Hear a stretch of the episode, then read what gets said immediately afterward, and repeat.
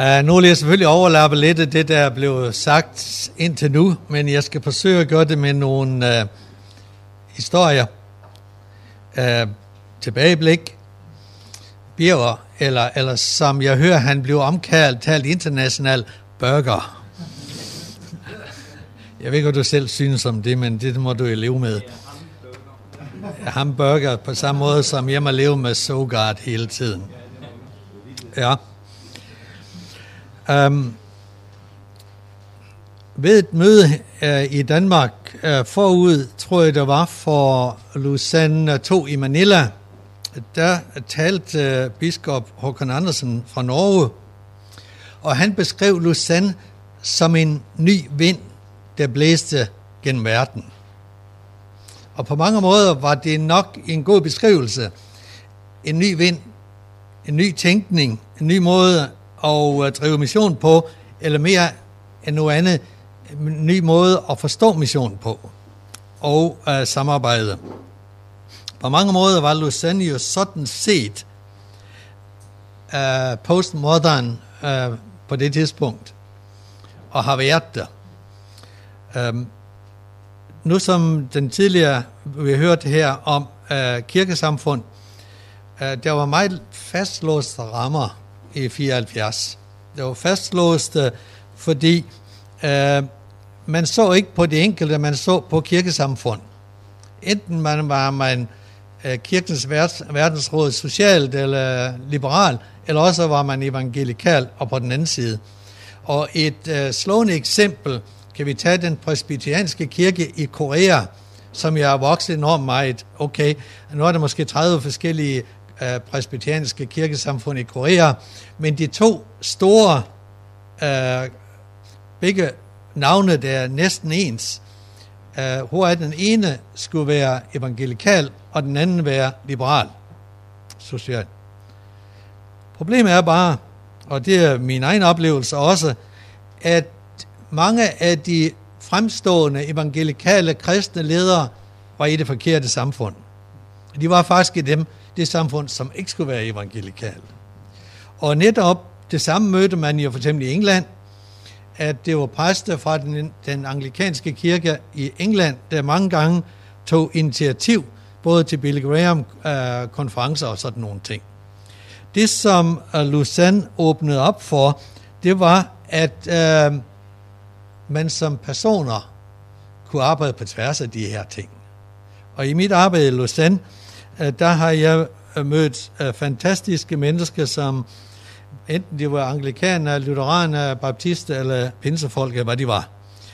Um, jeg tror nok, at min oplevelse fra dansk side mere var inden for, skal vi sige, professionelle grupper, hvor man kunne komme sammen. Det var mange af dem, som kom fra de gamle øh, kirkesamfund, som følte en ny frihed, som Lausanne gav er rammerne til. En glæde ved at være der. Det har så været mit uh, privilegium at være med uh, fra begyndelsen af. Uh, jeg havde tre eftermiddags undervisning i Lausanne i 74, og uh, siden har jeg så uh, været uh, tale ved næsten alle konferencer, som har været, og derfor det er lidt uh, spændende her at sidde og lytte til jer, der skal til Sydafrika, og jeg skal ikke med den her gang.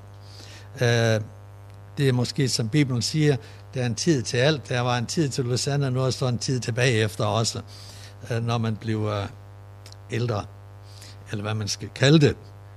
Uh, men øhm, det har også været spændende at være med som, sammen med biskop Rolf Schäfburg fra Tyskland og lede de to europæiske konferencer, som vi havde forud for og efter uh, Lausanne 2 i Manila.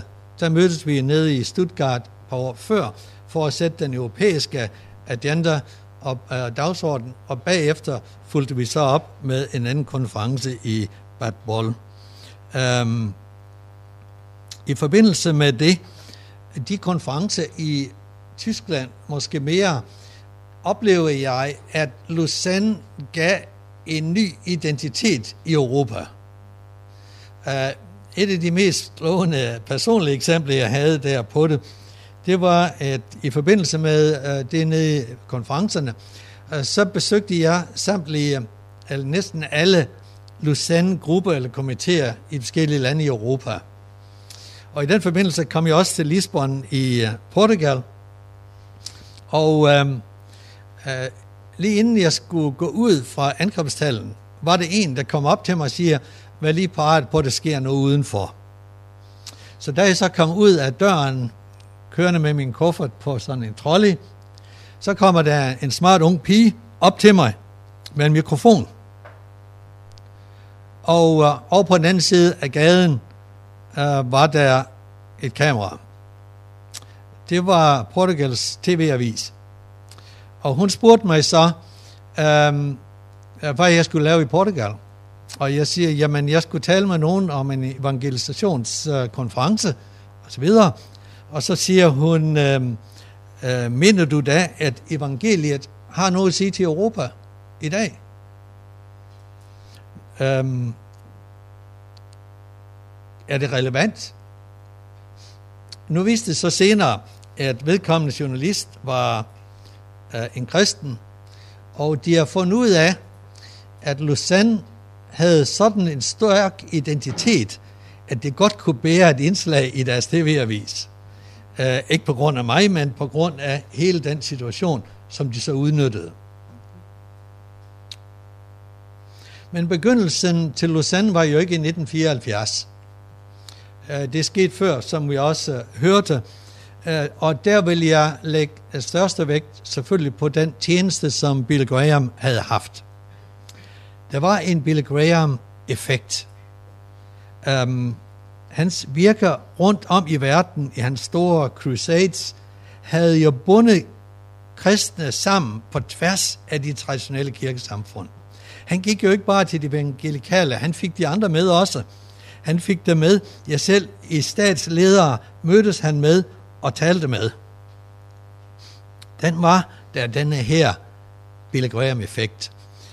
Jeg oplevede det især i 1988, eller mange gange, men, men der, forud fra Manila-konferencen, der var der i 88 øh, jo i Østlandene glasnost det var det Sovjetunionen var ved at begynde at under Gorbachev og, og, og bryde sammen.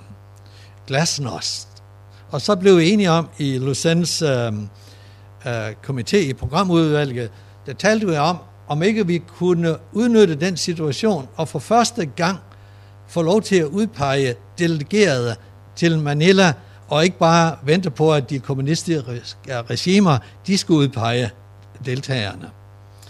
Så bad de uh, Leighton Ford, som jo var formand i Lausanne-komiteen, øh, og mig, om at besøge disse her østeuropæiske lande. Uh, da vi skulle, inden vi skulle til Moskva, Øh, så mødtes vi i Estland med en metodist biskop. Det var meget fortroligt, men han gav os øh, så øh, en baggrund til de mennesker, vi ville møde i Moskva. Hvem kunne vi stole på, og hvem skulle vi være passer på med? Og det var meget vigtigt for os i forhandlingerne, at vi vidste, hvor vi var henne. Øhm, I Moskva var vi så, um, skulle, der skulle vi mødes med Mr. Harchev, som var minister for religion og kolds og sådan nogle ting. Uh, så inden vi nåede dertil, så mødtes vi så på kirkekontoret. Øhm, kirken i, i Rusland på det tidspunkt, eller Sovjetunionen, hed jo Baptistkirken. Øh, det var ikke bare baptister, men det var en sammensmeltning af i hvert fald fire forskellige øh, kirkesamfund, som under kommunistherredømmet øh, var samlet i øh, Baptistkirken, som det hed. Forud for mødet øh, havde vi så et møde i, på kirkekontoret, hvor vi var deres gæster, og øh, der talte vi om konference i Manila, og øh, vores opgave, vi har fordelt det sådan, at Leighton Ford var PR-manden til dels. Jeg var sådan negociator, der skulle prøve at, at få det igen. Så siger jeg på kontoret, øh, vi vil gerne have mindst 30 med fra Sovjetunionen. Så husker jeg, at lederen af, af, af, af kirken så på mig øh, og, og sagde, spørg om 15, for det vil være fem skridt. Og så svarer jeg, det er ikke nok. Så kigger han på mig som en lille dreng, og så siger han til mig, det kan godt ske, din tro er større end vores. Meget sarkastisk. Da vi så blev kørt i disse her sorte limousiner til Kreml, til uh, ministerierne, og kom ind og mødes med Mr. Hartjev, så er det meget spændende.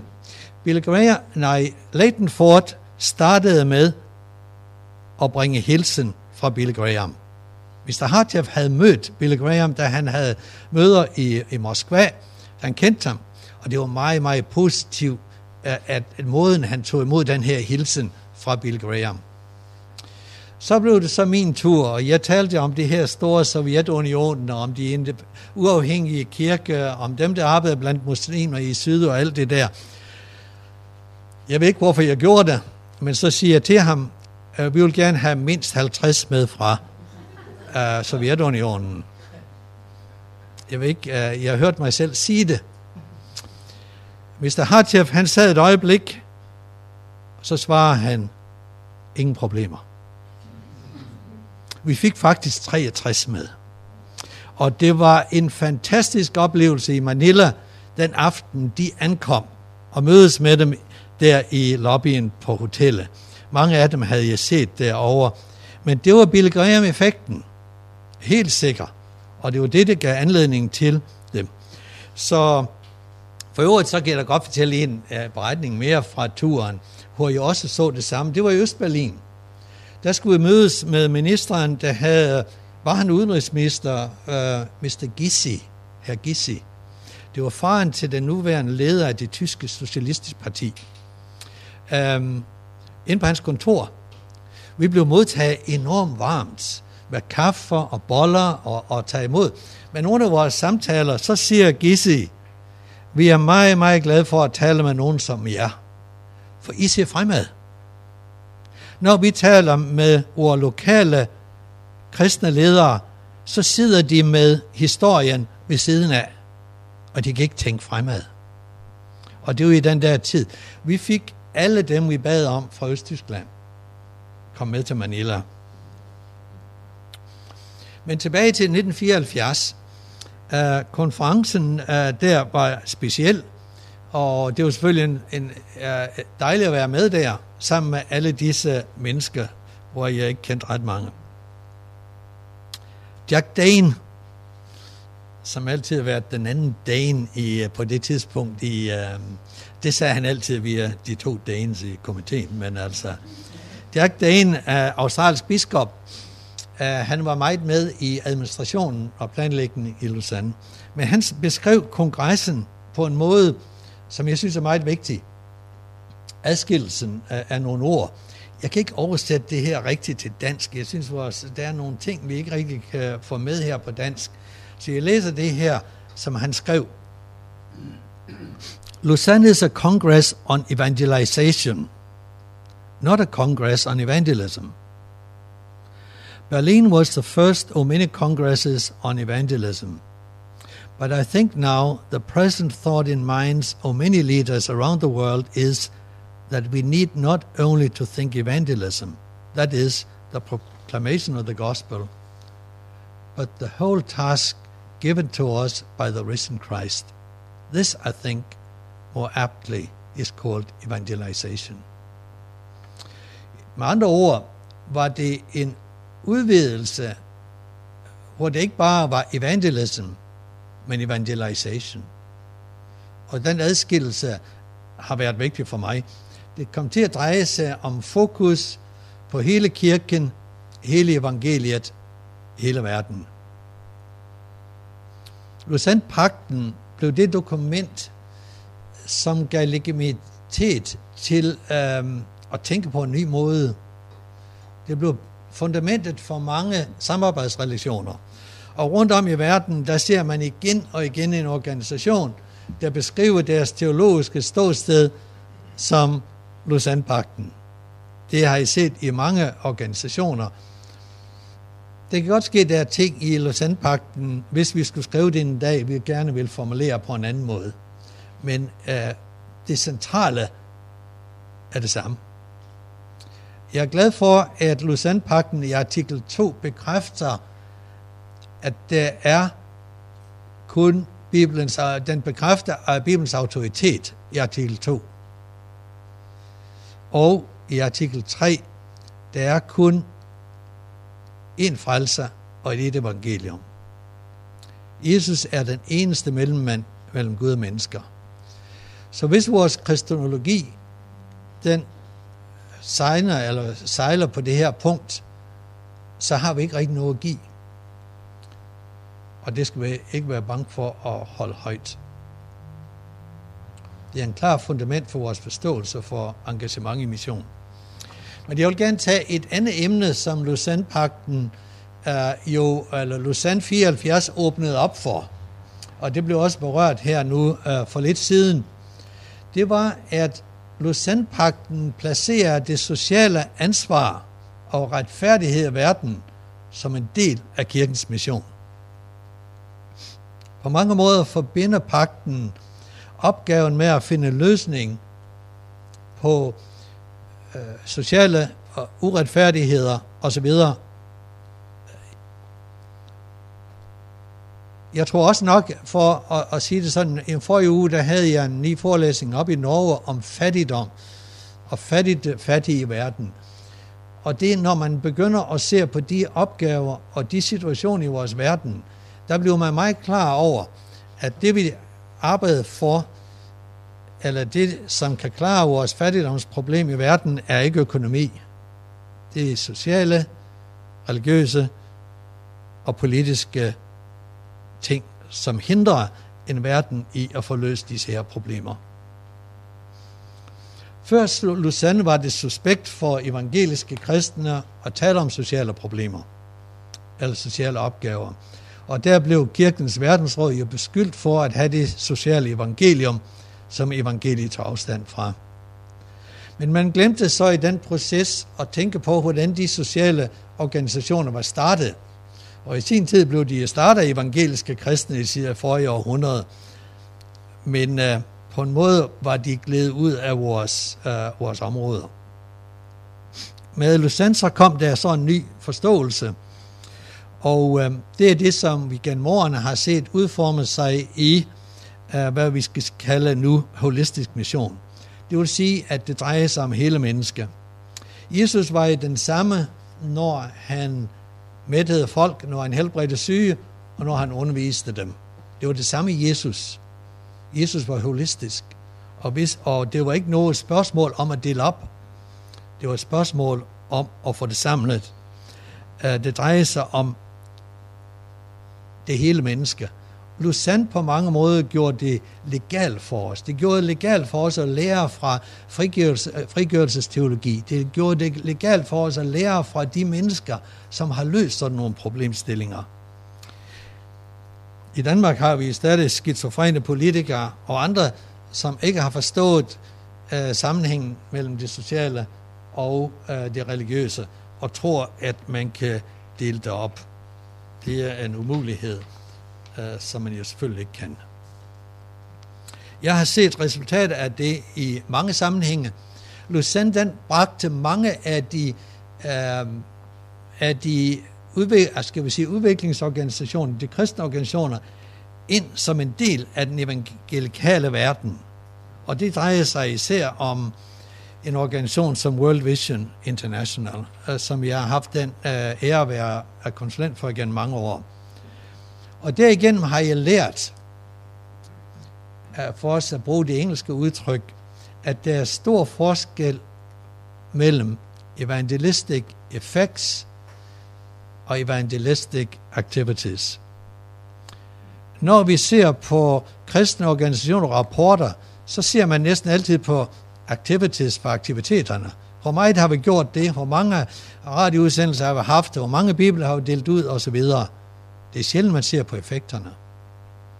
I businessverdenen vil man ikke nå ret lang tid, hvis man bare fokuserer på aktiviteterne, men ikke på effekterne.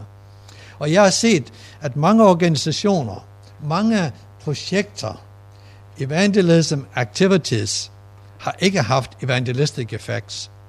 Men der er mange andre ting, som vi ikke kalder evangelism, men som har haft evangelistic effects. I, øh, for nogle år siden blev jeg bedt om fra World Vision om at lede et forskningsprojekt, som foregik i fire lande. Honduras, øh, Mali, Etiopien og Mozambique. Og jeg havde så et forskerteam arbejdet i de der fire lande i to år periode med den opgave at finde frem til, hvordan kan man måle eller evangelistic effects af sociale eller udviklingsprojekter. Det er meget, meget spændende.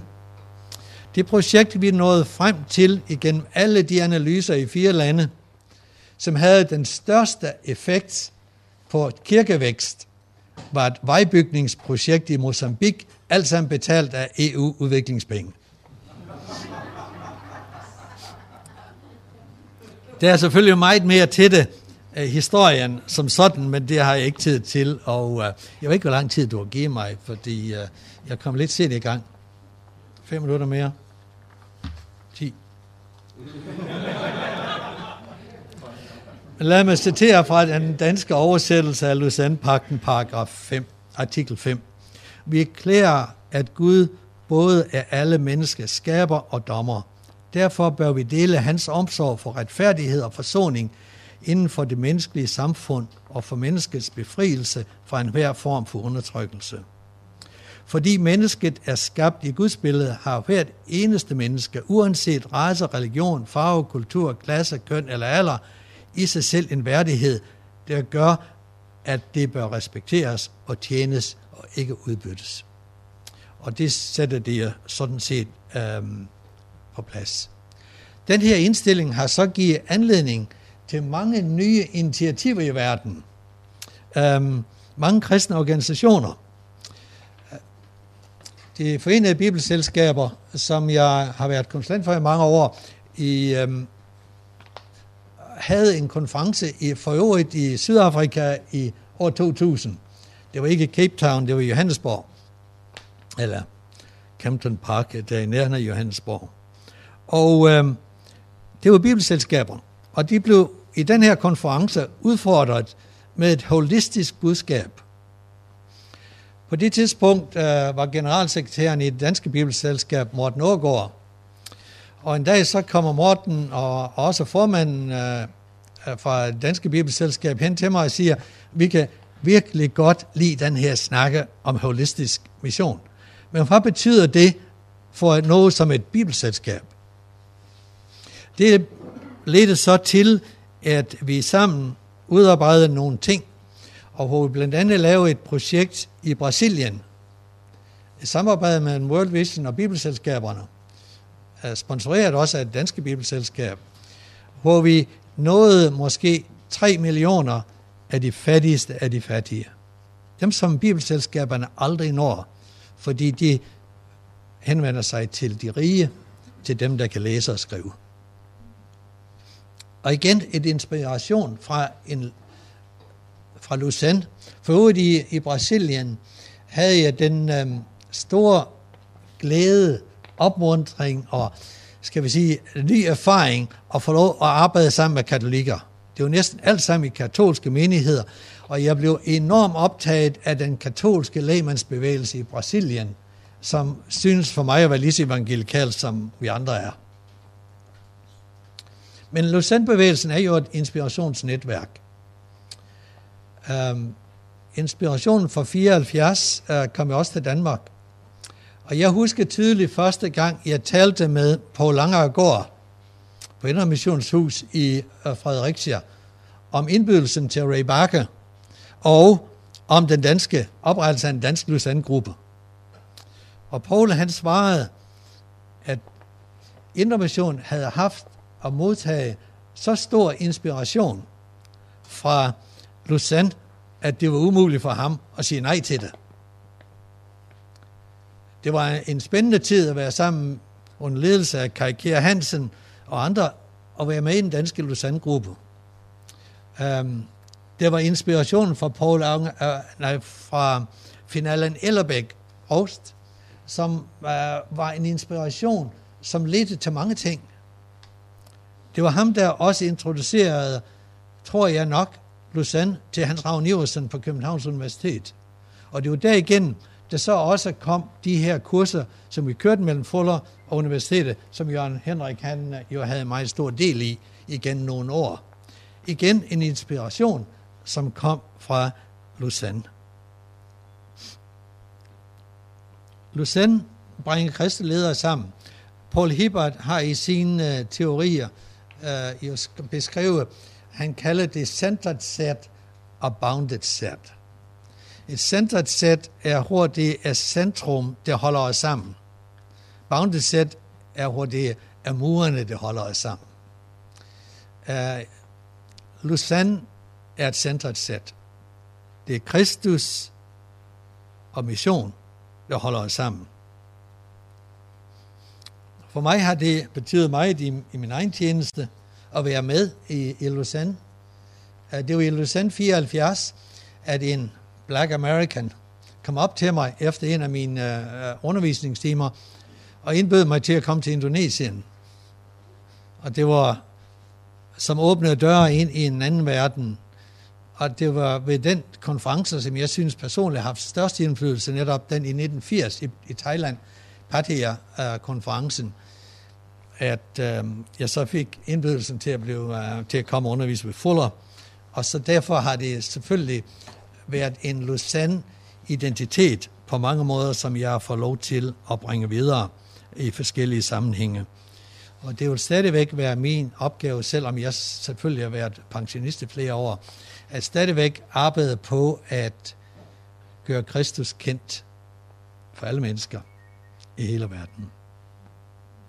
さっき。